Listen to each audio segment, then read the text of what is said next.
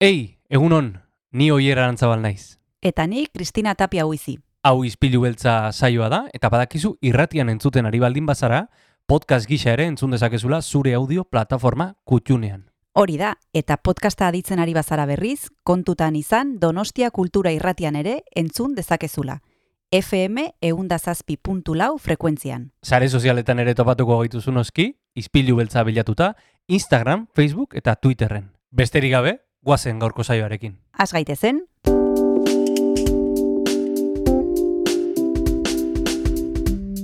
Ispilu beltza.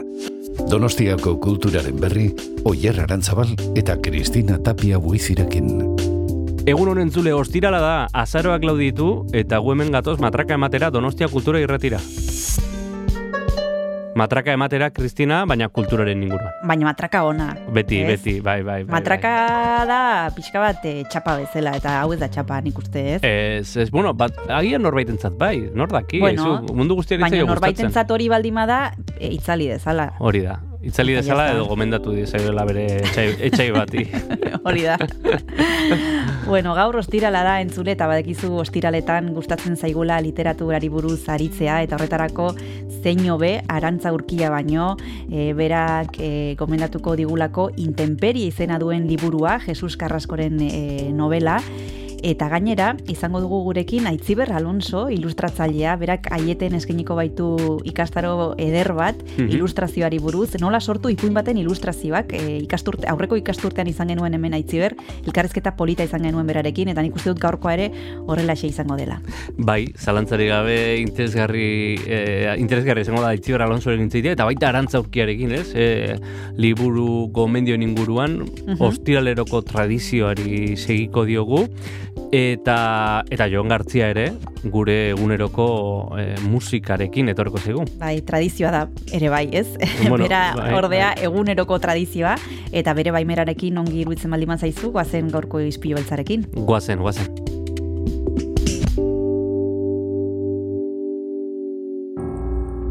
Asteragoaz ostiraleko saioa entzule eta proposamen berri batekin hasiko dugu. Benize artistaren urrea, intxaurrak eta txampaina kantuarekin asteragoaz.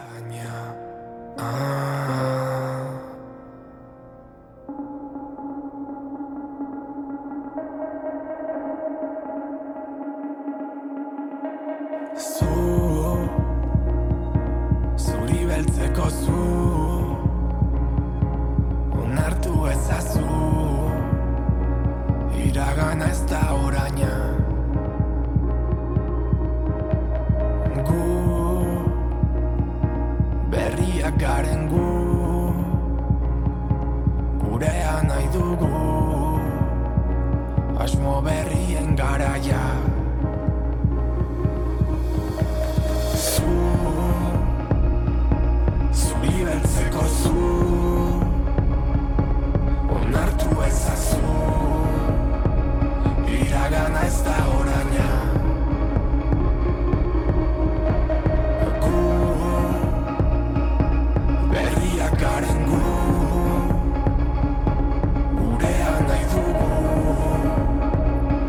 Asmo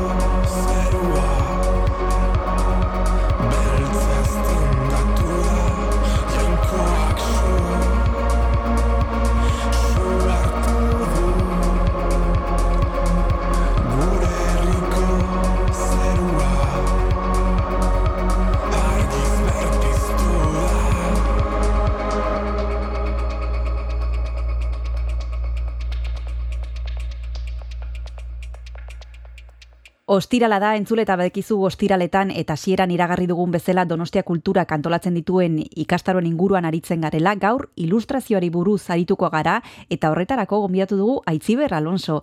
Ikasturtea hasiko da eta badekizue berak eskaintzen dituela, eh, eskaintzen duela ilustrazioaren inguruko eh, ikastaro bat, izan genuen, e, ikas, aurreko ikasturtean hemen ere aitziber Alonso, baina errekuperatuko dugu, ze oso interesgarria izan zen berarekin hitz egitea, eta mentxe daukagu telefonoaren beste aldean, egun aitziber zer modu zaude? Egunon, oso ondo, ba, katarroarekin, eh, mundu erdia bezala baino oso ondo. bueno, orduan ahotsa daukazu pixka bat sakonago. Tartuta, bai, ba, hori da, sakonago, hori izango dugu. bueno, aitziber, aurrekoan zurekin hitz egin genuen e, ilustrazioa dela, eta e, aieten eskaintzen duzu e, ba, gai honen inguruko ikastaro bat, eta aurten ere errepikatuko duzu. Eta, bueno, norbaitek e, ez, baluen, ez baluentzun e, elkarrizketa hura bere garaian, ba, guazen e, ilustrazioari buruz orain ere hitz egitera. E, nola sortu ipuin baten ilustrazioak da zuk eskaintzen duzun ikastaroa, ezta? Eta Bai. nik ezakit bertara joango direnak zer ikasteko aukera izango duten. bueno, eh, ez du denbora gehiegi ematen eh, benetan ipuin bat eta ipuinaren prozesu osoa nolakoa dan eh, ikasteko ez, baino bai nire intentzioa beti da eh, nolabait eh, ezagutzea zein den eh, liburu baten muina ez, hau da, e, gauzak asko aldatu dira, baino leno bai pentsatzen zen e, liburu baten irudiak zirala apaingarri hutsa, ez da. Eta, mm, eta ja, zorionez, e, gauza horiek aldatzen ari dira, eta mm, e, irudiak ez dira bakarrik apaingarri baizik, eta testua em, zabaltzen duten beste kontatzeko modu bat, e, testuan agertzen ez diren em, atzeko gauza kontatzen dira irudiaren bitartez, em, pertsonaien garrantzia, edo kolorearen garrantzia, nola koloreak ere espresatzen duen e, ipuinaren muina edo, edo mm, ez dakit e, an- animoa, Bai. pena, zorion, zoriontasuna, gauza guzti horiek ez. E, nola representatu irudiarekin testu hori osatzeko, gehitzeko eta aberazteko. Mhm. Eta esan duzu ez duzula denbora gehiagirik e, ikastaroan, baina nola antolatu dituzu saioak? E, nik ezakit e, bertara hurbilduko direnak aldez aurretik zerbait jakin behar duten e, edo ez, e, joan daiteke edo nor e, zeinentzat da e, prestatu duzuna. E, edo nor jun daiteke, edo nor, e, esan nahi naiz eta marrazten ez jakin ere joan zaitezke. Zergatik, ze azkenean e, ez da marrazketako tailer bat. Baizik eta nola erabili irudia gauzak kontatzeko. Orduan zure irudiak ere traketxak komila artean baldin badira, ez du garrantzirik, ze e, ikasi behar duguna da nola kontatu irudien bitartez. Eta eta etzaile ez erreskatzen, tailerrean egiten ditugu hainbat ariketa, e, e, artista ilustratzaile desberdinen irudiak ikusita aztertu egiten ditugu, zergatik e, errepresentatu dute hau e, modu honetara eta ez beste honetara, edo ze aukera desberdinak daude e, testu bat erre, em, modu desberdinetara errepresentatzeko.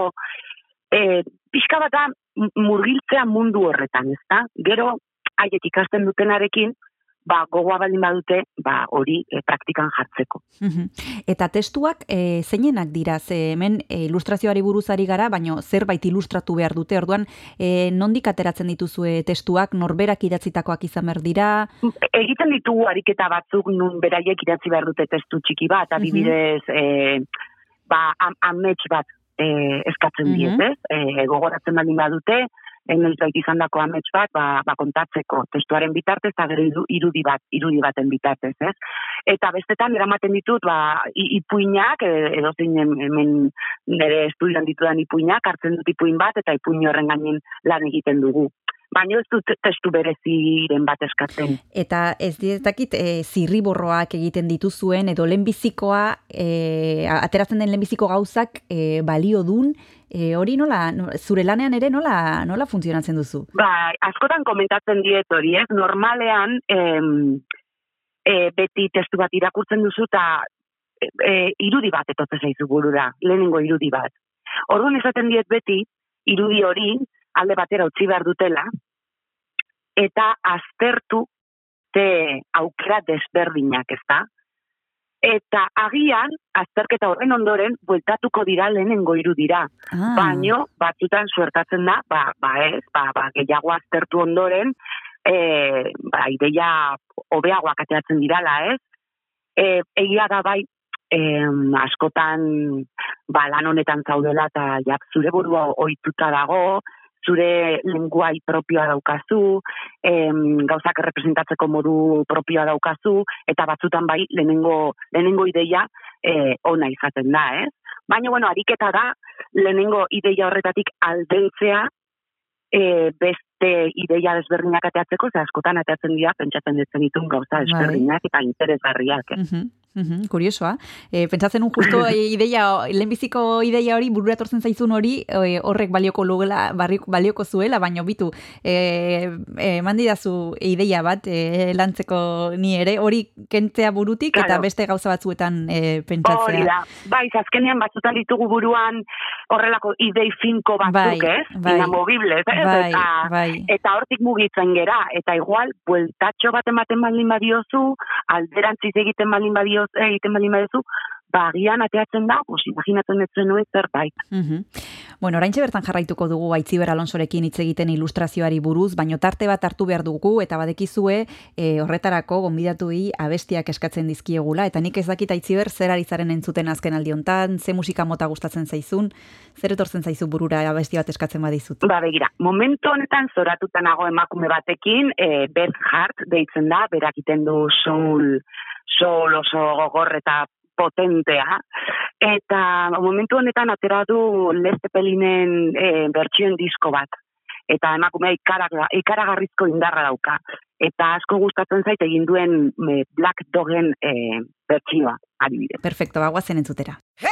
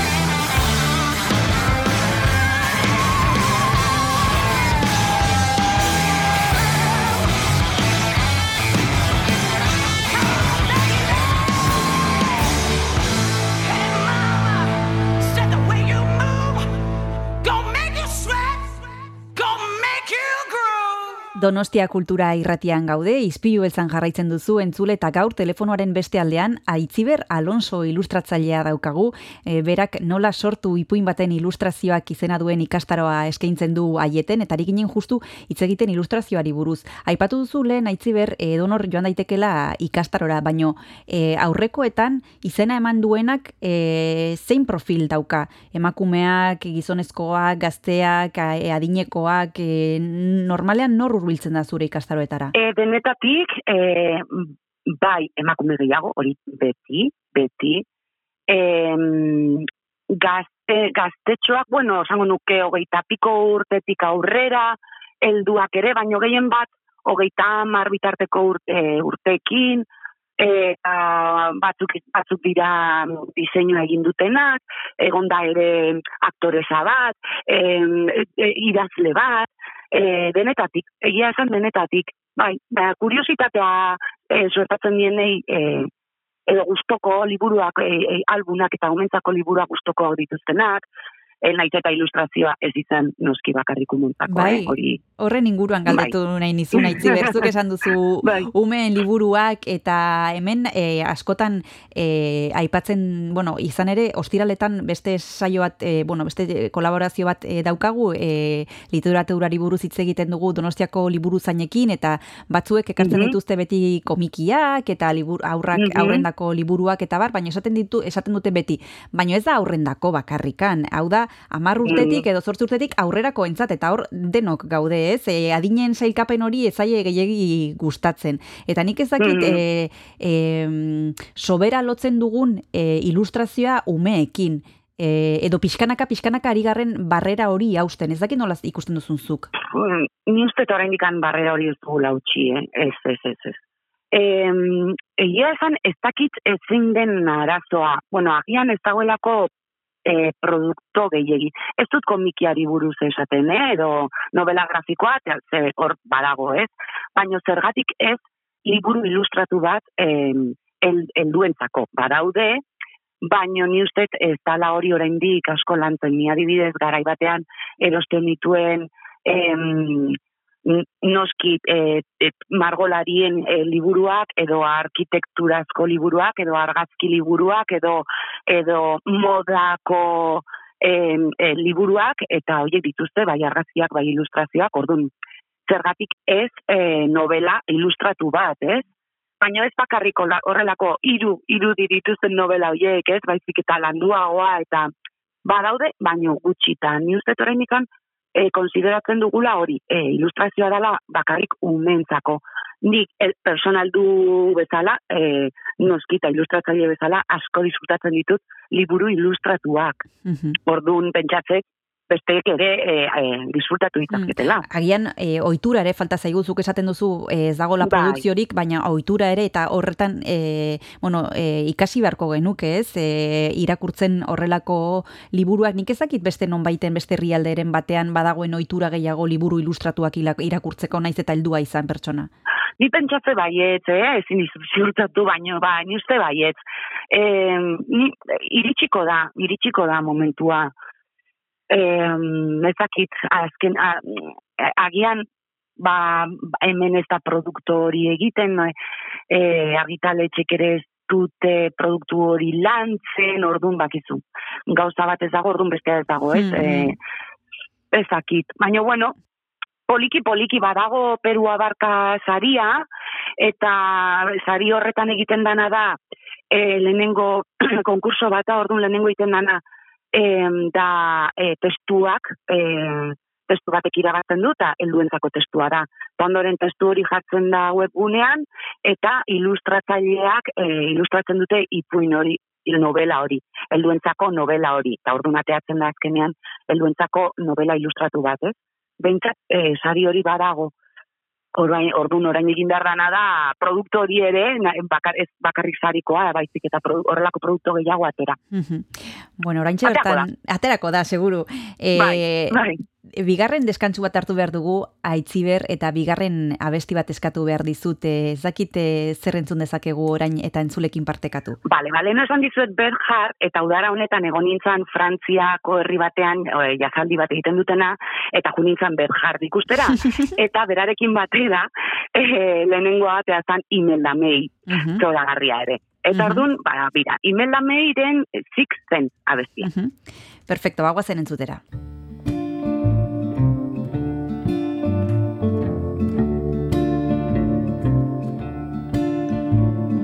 One kiss closer to kill. My resistance to your kind of thrill. And your lips let me know that you're real. Can't commit this crime can't ignore. You got my love staying hard on the floor. So I surrender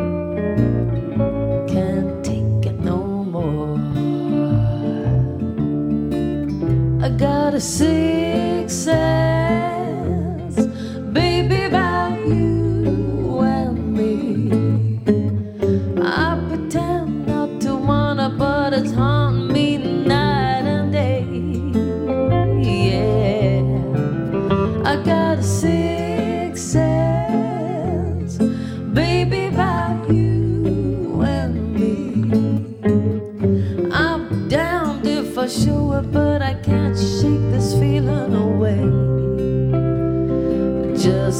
Shake it away.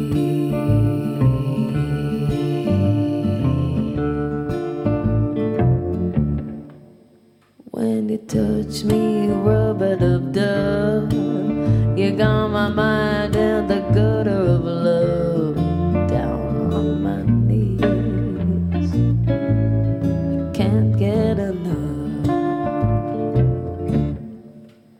swear I saw you once in a dream. Jumped out a window, we kissed in the sea. Yeah, we were good in my fantasy. I got a six sense, baby, about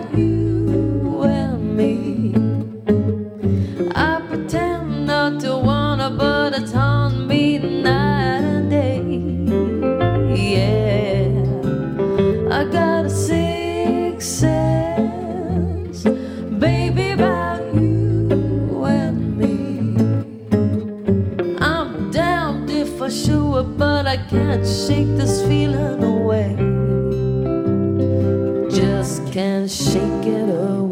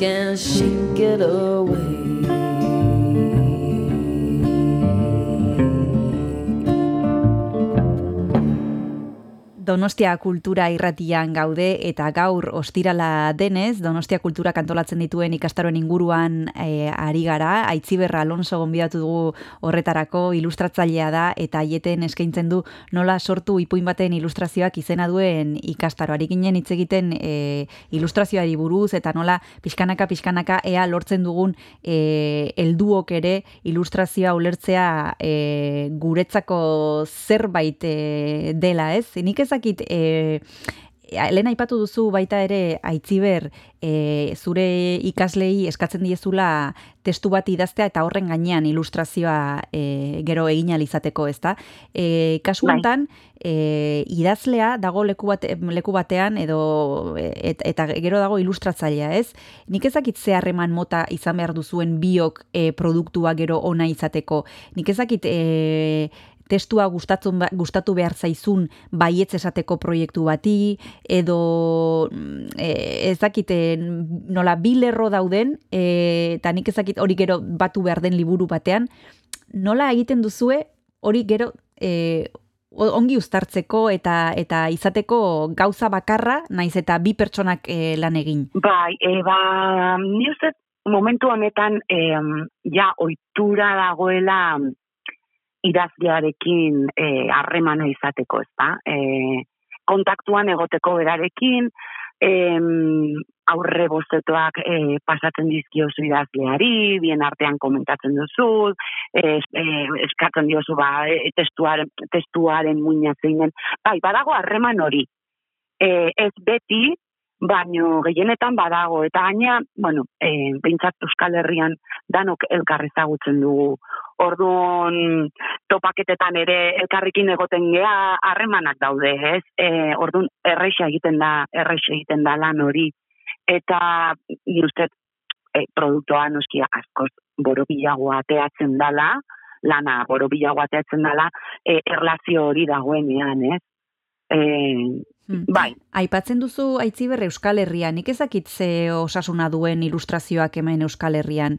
Ilustratzaile onak daude, e, oraindikan falta zaigu, e, gaztetxoak datoz e, ilustratzeko gogoarekin, nola ikusten duzuzuk e, panorama? oso ona.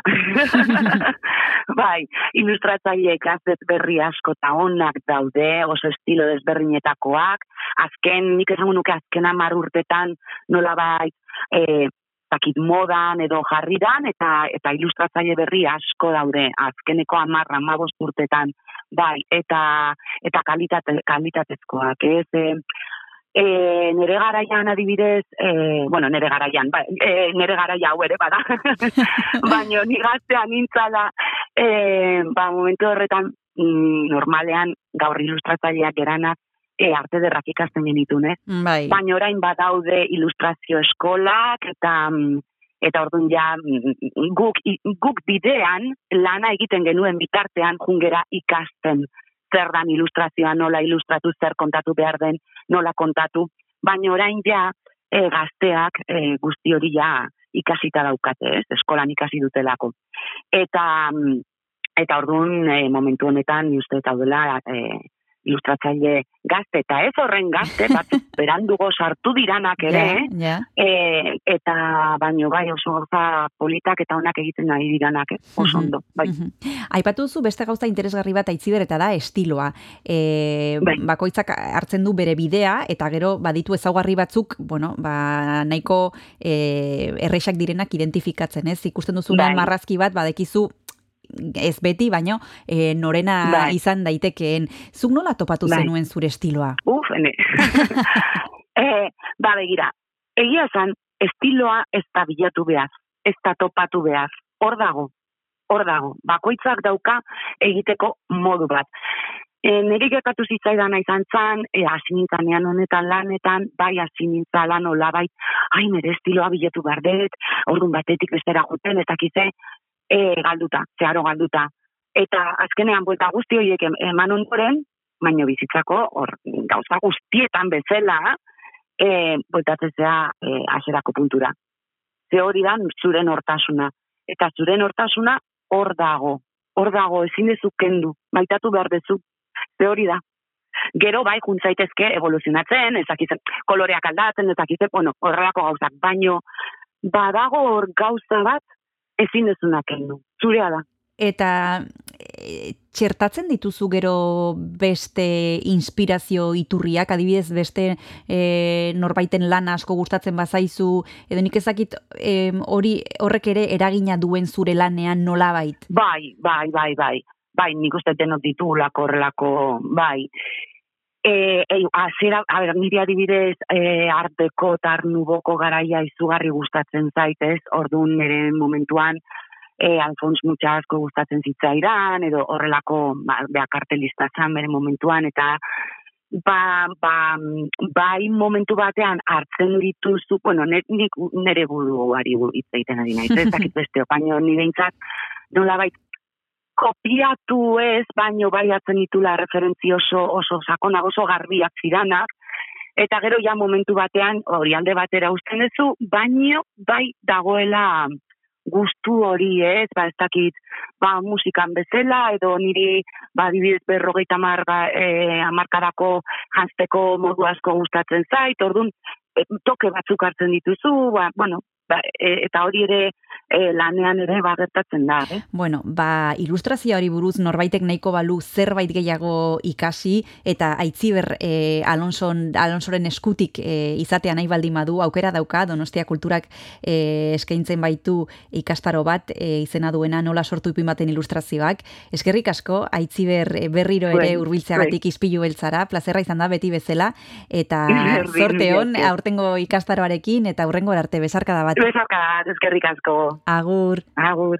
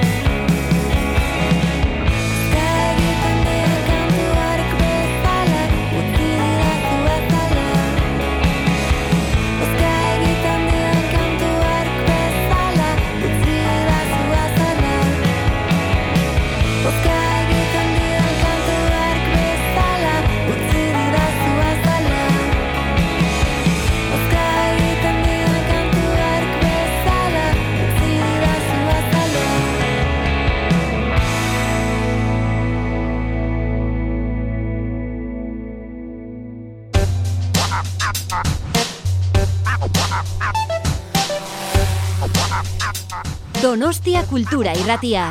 Zabaldu gurekin Donostialdeko kulturaren leioa.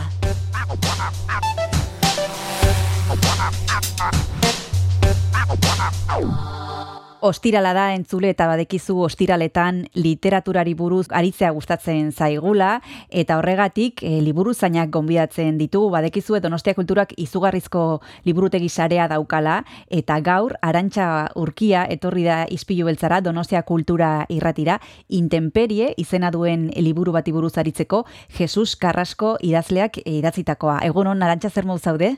Egunon, Kristina, ondo eta zu. Oso ondo, ba, zurekin hitz egiteko gogoarekin, beti esaten dizut, baino egia da, e, izugarrizko liburuak ekartzen dizkiguzulako, eta, bueno, eta konbentzitzen gaituzulako, e, da. eta, bueno, gaurkoan, e, tokatzen da Intemperie izena duen Intemperie. liburua, Jesus Carrasco idatzitako lehenbiziko liburua, 6 barra lehen aurkitu dezakegu.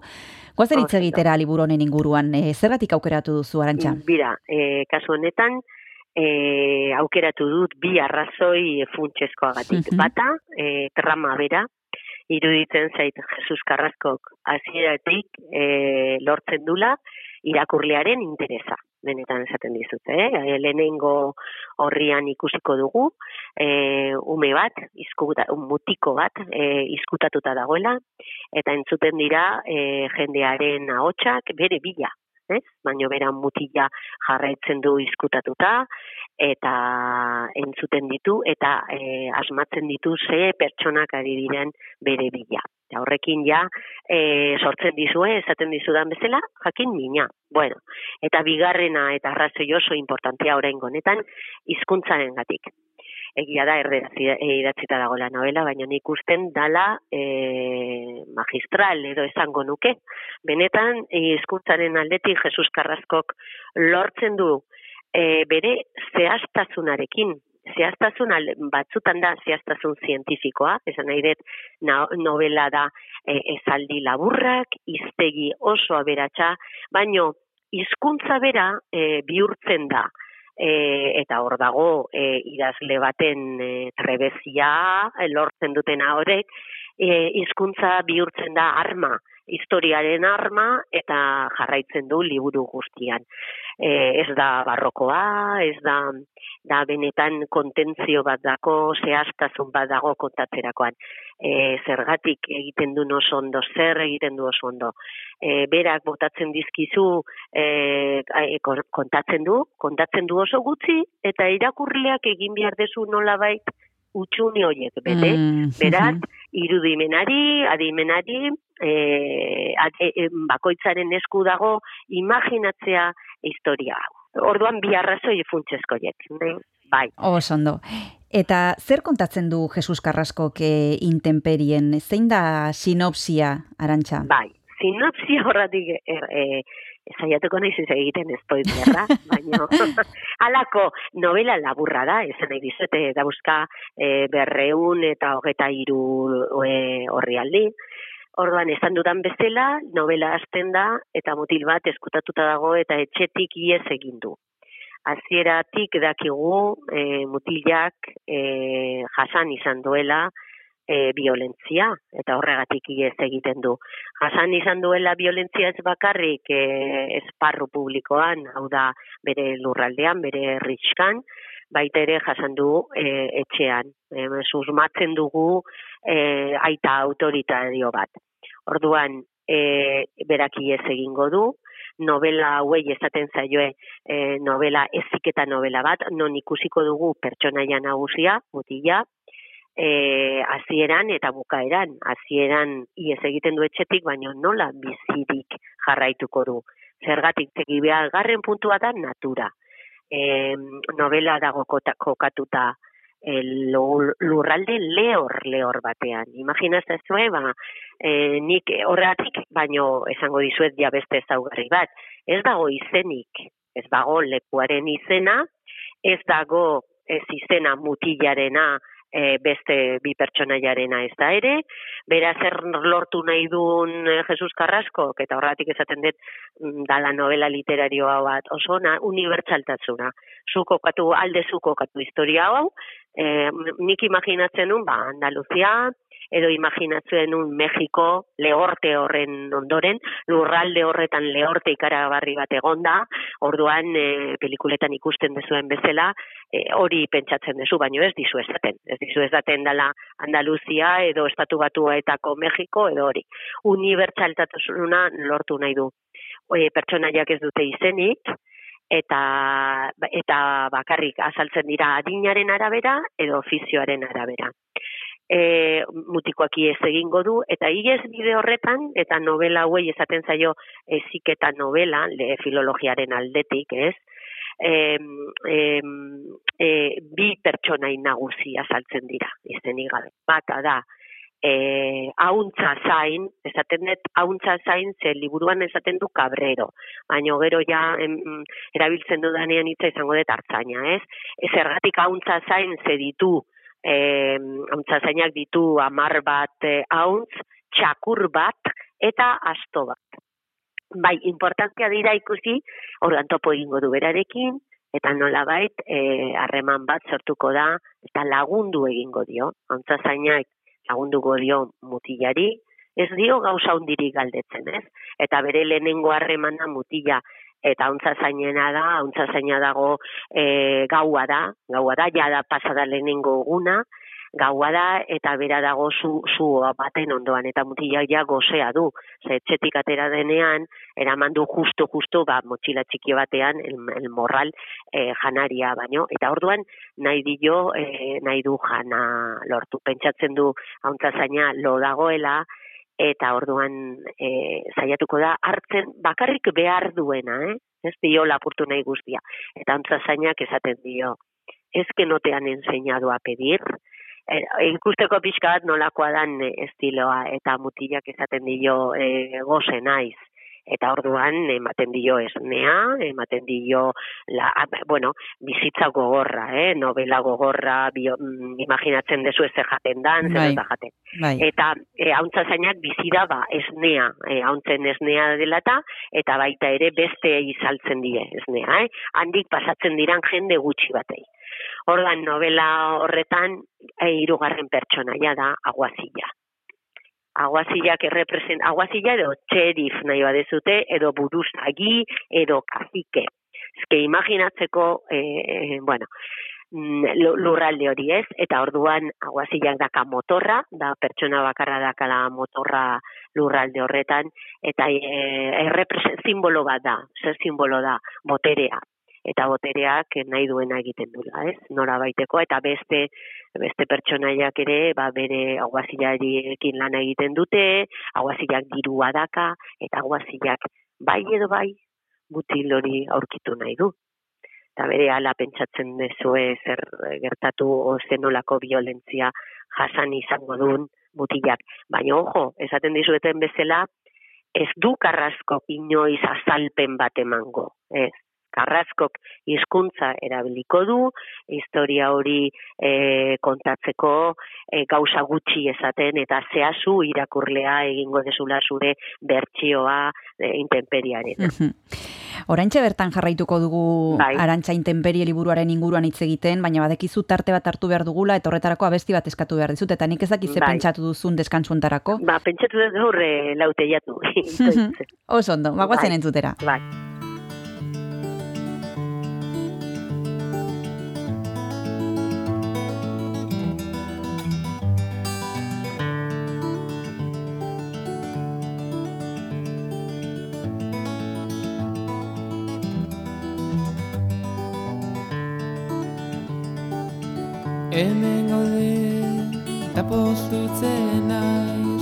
Ta ziur zura eta ere bai.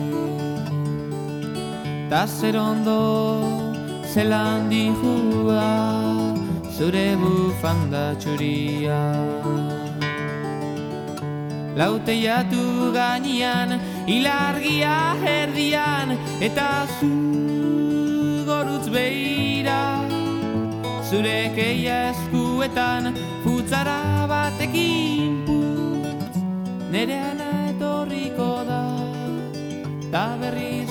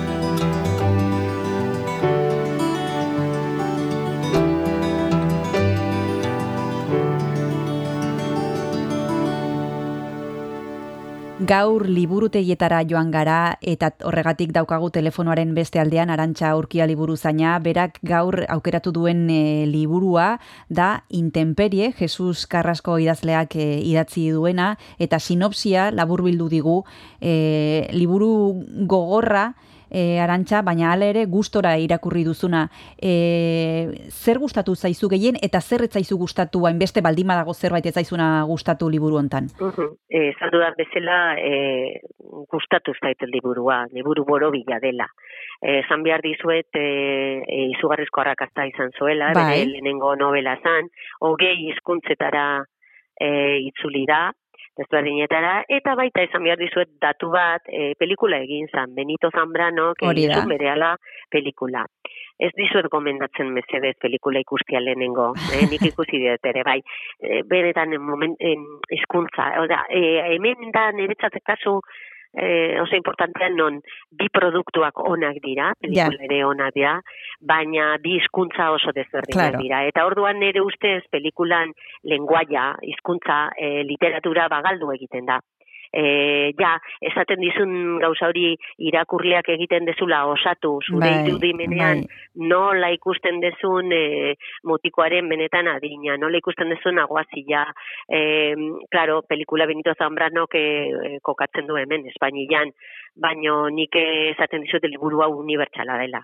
E, bueno, horregatik, e, nolako mota liburua bai, imaginatzen dezu, batzuk esan dute dela e, intriga. Intriga ez dakaz, esan dizuten bezala, e, trama hain ondo idazten du e, Jesus Carrascoz, ba, bukaera arte eta gainare laburra da, e, imaginatzen dezu violentua dela, hildako asko daude novelan.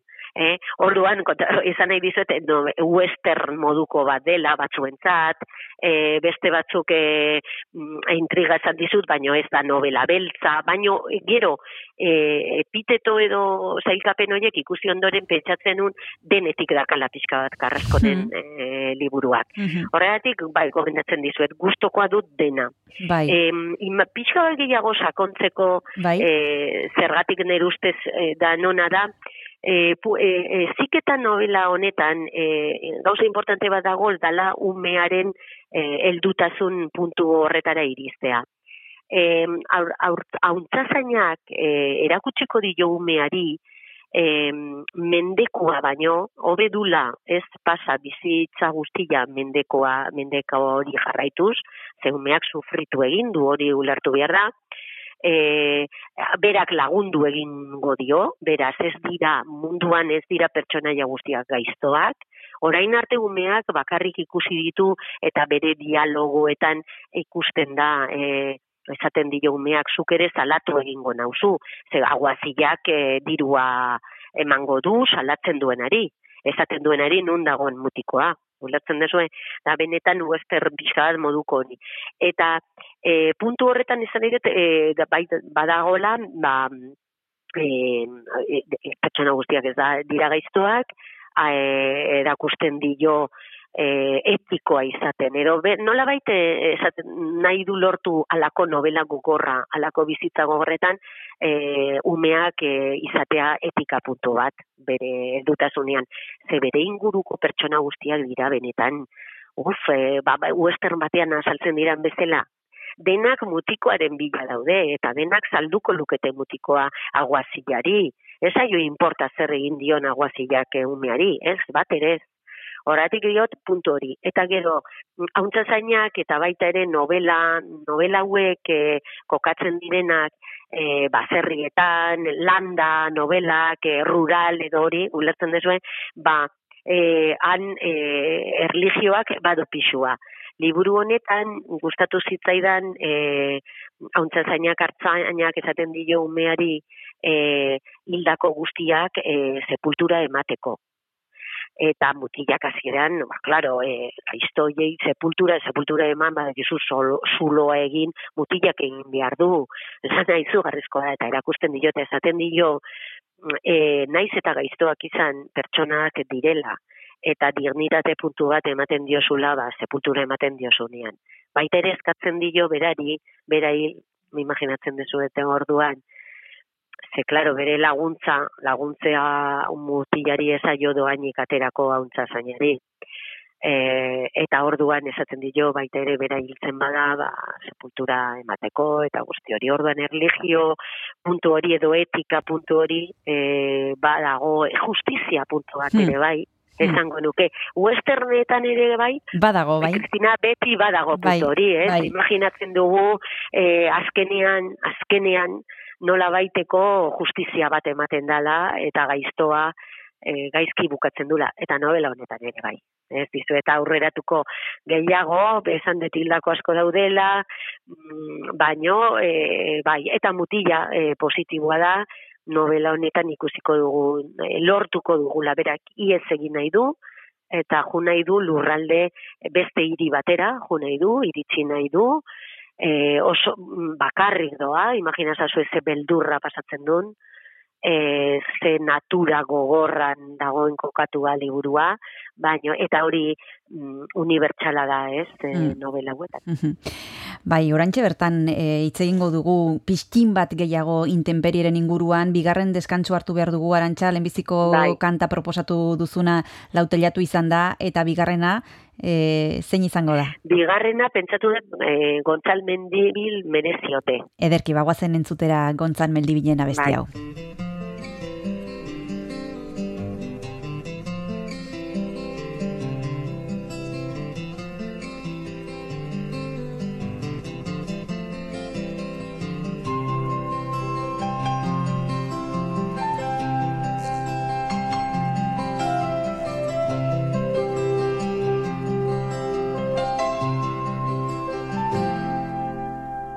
Etxetik iez egiteko kalea zeharkatzea Mutiko batek bakarrik egin lezake Baina kaleak egunero ibiltzen dituen gizon hori.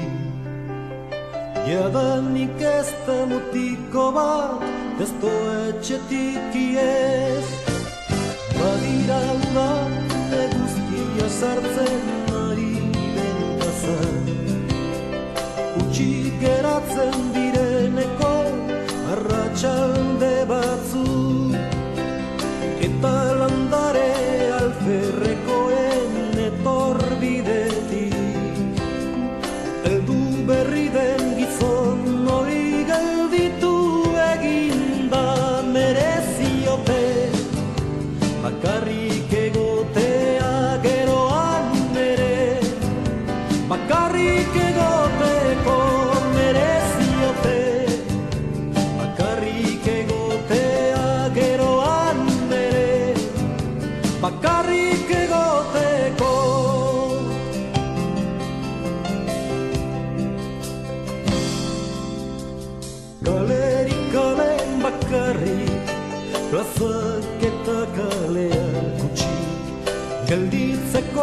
esan behar zaio Andereren bati. Eta norberarekin bizi dadila eskatu behar zaio. Zeure buruarekin bestela mintzatuko zara mereziote Bakarrik egotea geroan ere. Bakarrik egoteko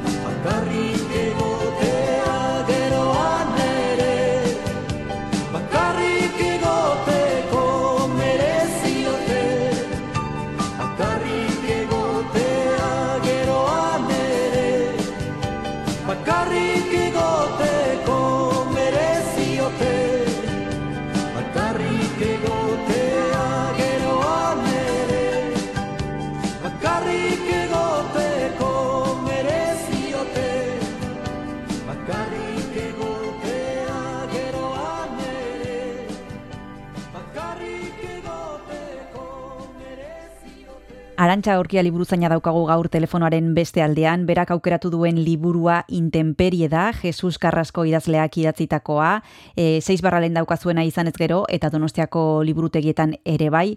E, aipatu duzu hizkuntza hainbat aldiz, Arantxa, eta hemen ari naiz irakurtzen, e, bueno, e, momentuan kritika oso onak jaso zituen, sariak ere bai jaso zituen e, liburu honek, eta batzuk esaten dute, dala nasketa bat e, delibes eta makartiren artekoa. Mhm. E, zaila, Bai. zaila da, e, irakurtzeko Ez, zaila. Ez, ez, ez da bat ere zaila, eta oso ondo ekarri dezu.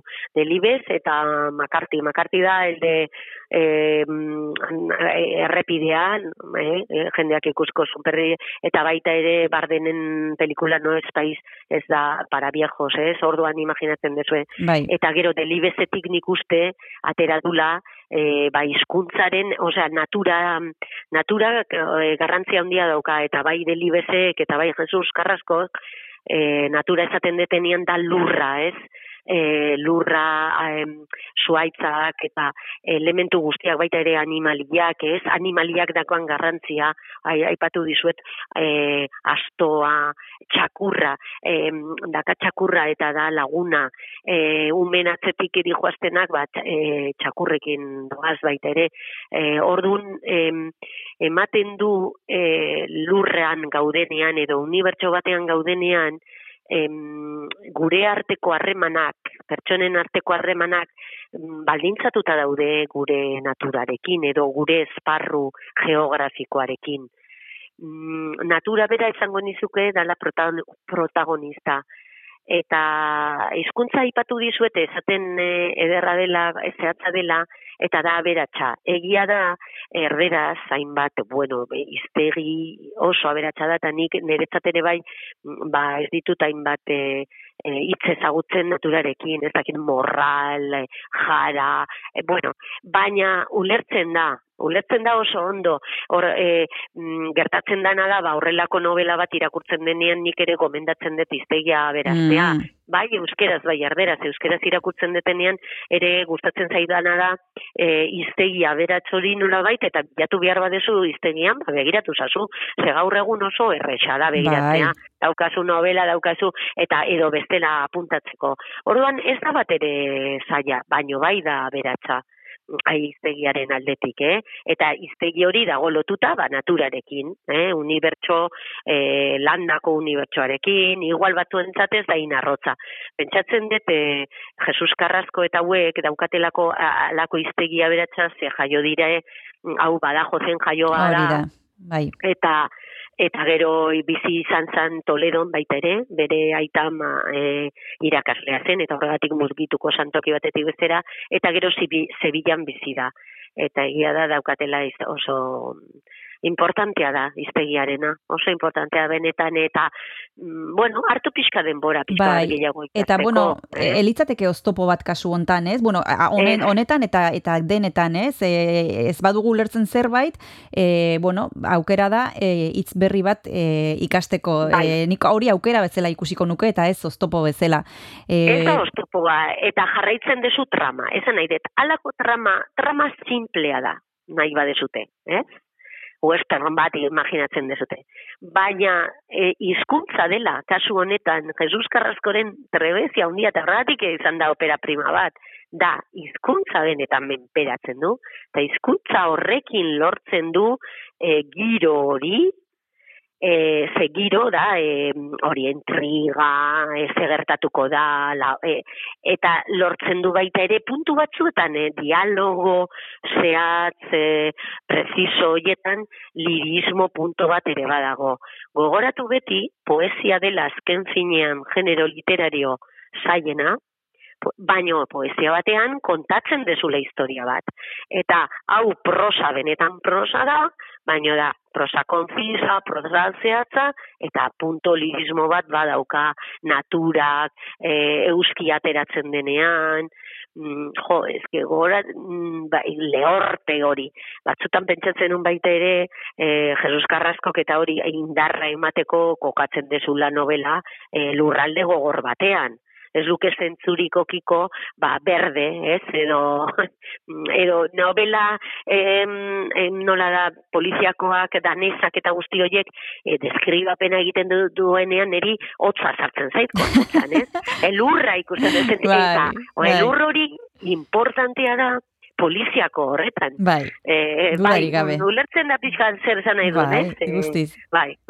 Bai, Bai. bueno, ba, esan bezala, e, Jesus Carrasco pixkat e, idazleari buruz hitz egiteko bi hitz, e, Olibenzan Bai. jaio zen, e, badajo zen, gaur egun Bai. Sevillan bizi da. Hau izan zen, bere lehenbiziko novela, Intemperie, gerora etorri dira Latirrak pisamos, 2006an argitaratutakoa, eta duela urte bete justu, hogeita bat garren urtean argitaratu zuen Jebamea kasa, nik ezakit arantxa bere beste lanik irakurri duzun, edo hau izan da lehenbizikoa? Bez, eh, egia esaten dizuet, ez dute irakurri beste lanak, gogo, gogo naiz, zein gustatu zait, Aha. eta nahi nunazi kasu honetan, e, bueno, e, ba, beti dago zergaitik, ez? E, bueno, ba, bat izan zidan irakurri zazu intemperie. Gainera esaten dizuet, asteburu batean irakurtzen da, eh? Mm. Osa, benetan.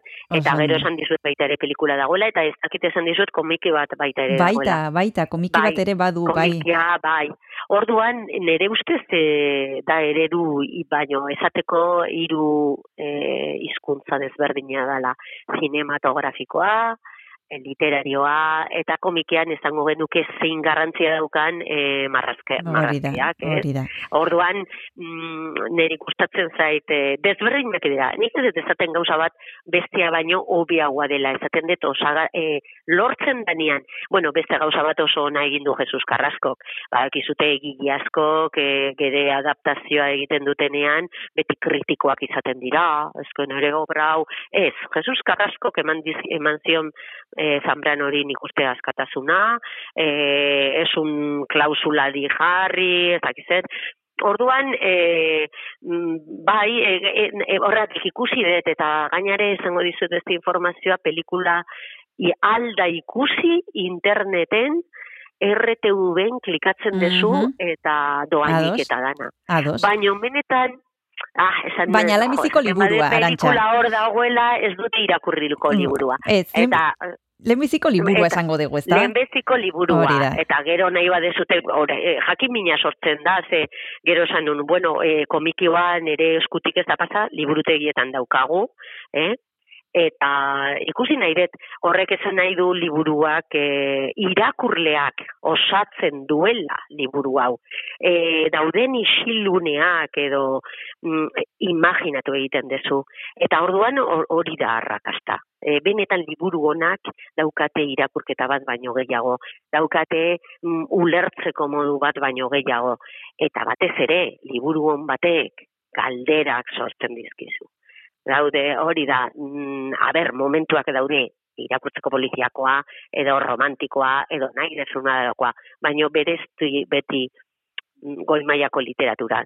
Eta hau nik uste badala. Bueno, ba, apuntatuta gelditzen da, intemperie, Bai. Jesus Carraskoren lehenbiziko liburua, eskerrik asko arantxa urkia ekartzeagatik eh, novela hau, beti bezala Bai. interesgarria, eta hurrengor arte, asteburu on. Ez, azte buruan, Kristina. Agur. Zuei, eh? Agur, gero arte. Hemen errevelazio bat bezala Espazioa eta denbora argiago ikusten dira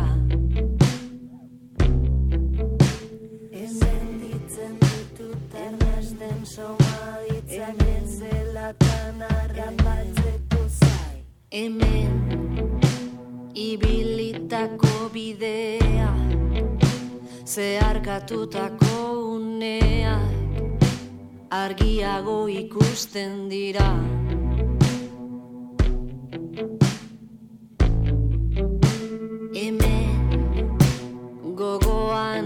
Beste luza filamentu arteko utxa errez beteko zenuke.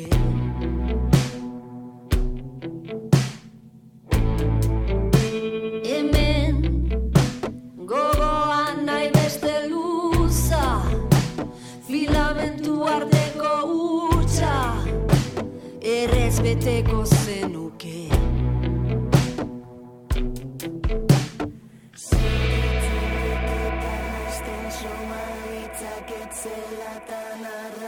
take a sign.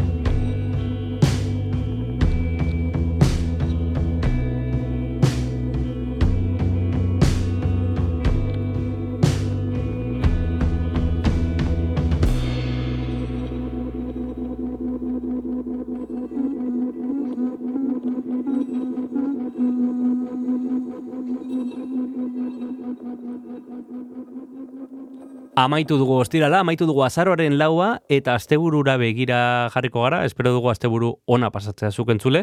Guk astelenean ekarriko dizugu berriz ere gure gure matraka, lehen esan duguna, Kristina.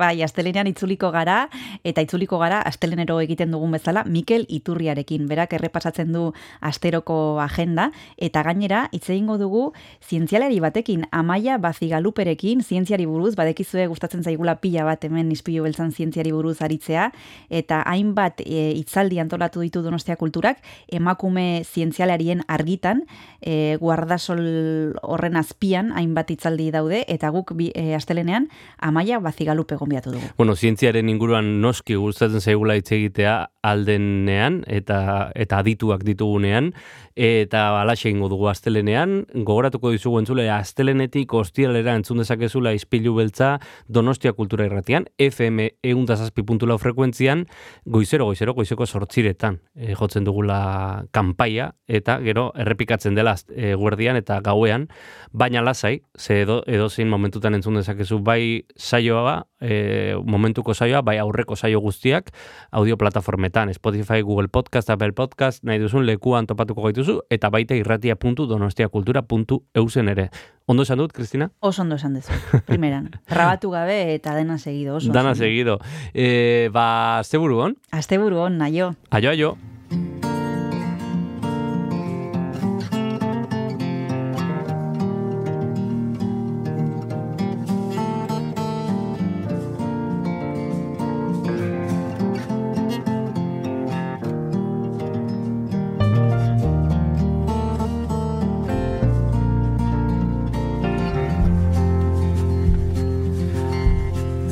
time, tell us.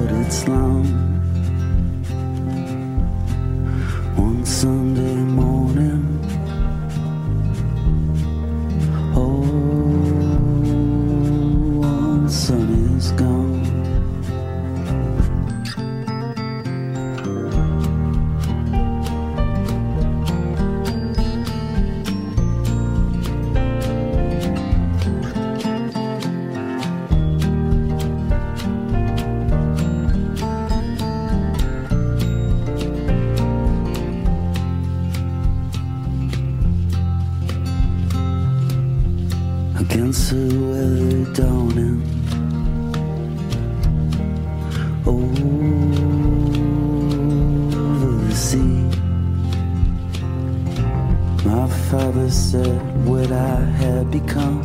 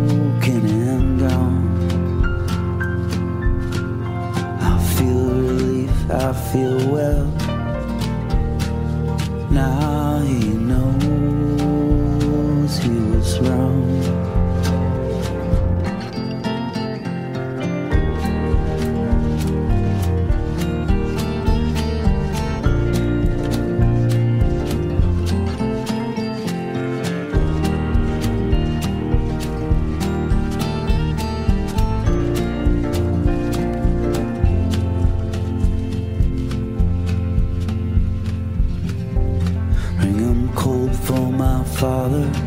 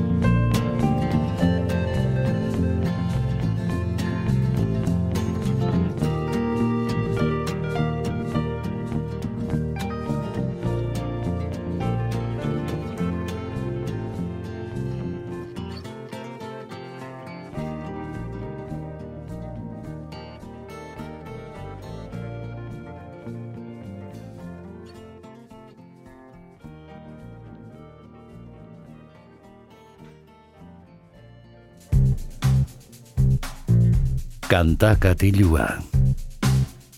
Jon Gartziaren eskutik.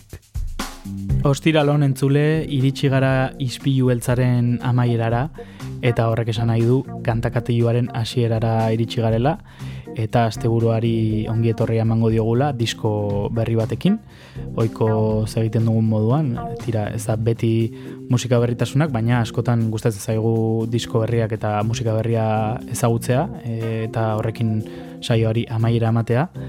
Gaurkoan gainera aurrekoan aipatu genuen e, talde bat berreskuratuko dugu King Gizzard and the Lizard Wizard Australiarrak eta abisatu genizuen e, aurrekoan entzun genuen haien azken lana urrian argitaratua baina e, urrian beste bi disko argitaratuko dituzte eta haietako bat ja e, eskuartean dugu Laminated Denim izeneko diskoa hain zuzen ere eta tira, e, haien diskografiako hogeita bigarren diskoa dugu e, esan genizuen ere 2000 amarrean hasi ziren arren ba, badara dela disko desente eta honetan bi abestiz osatu dute diskoa, bakoitzak amabos minutu irauten du eta besterik gabe guazen entzutera lehen abestia hau da The Land Before Timeland.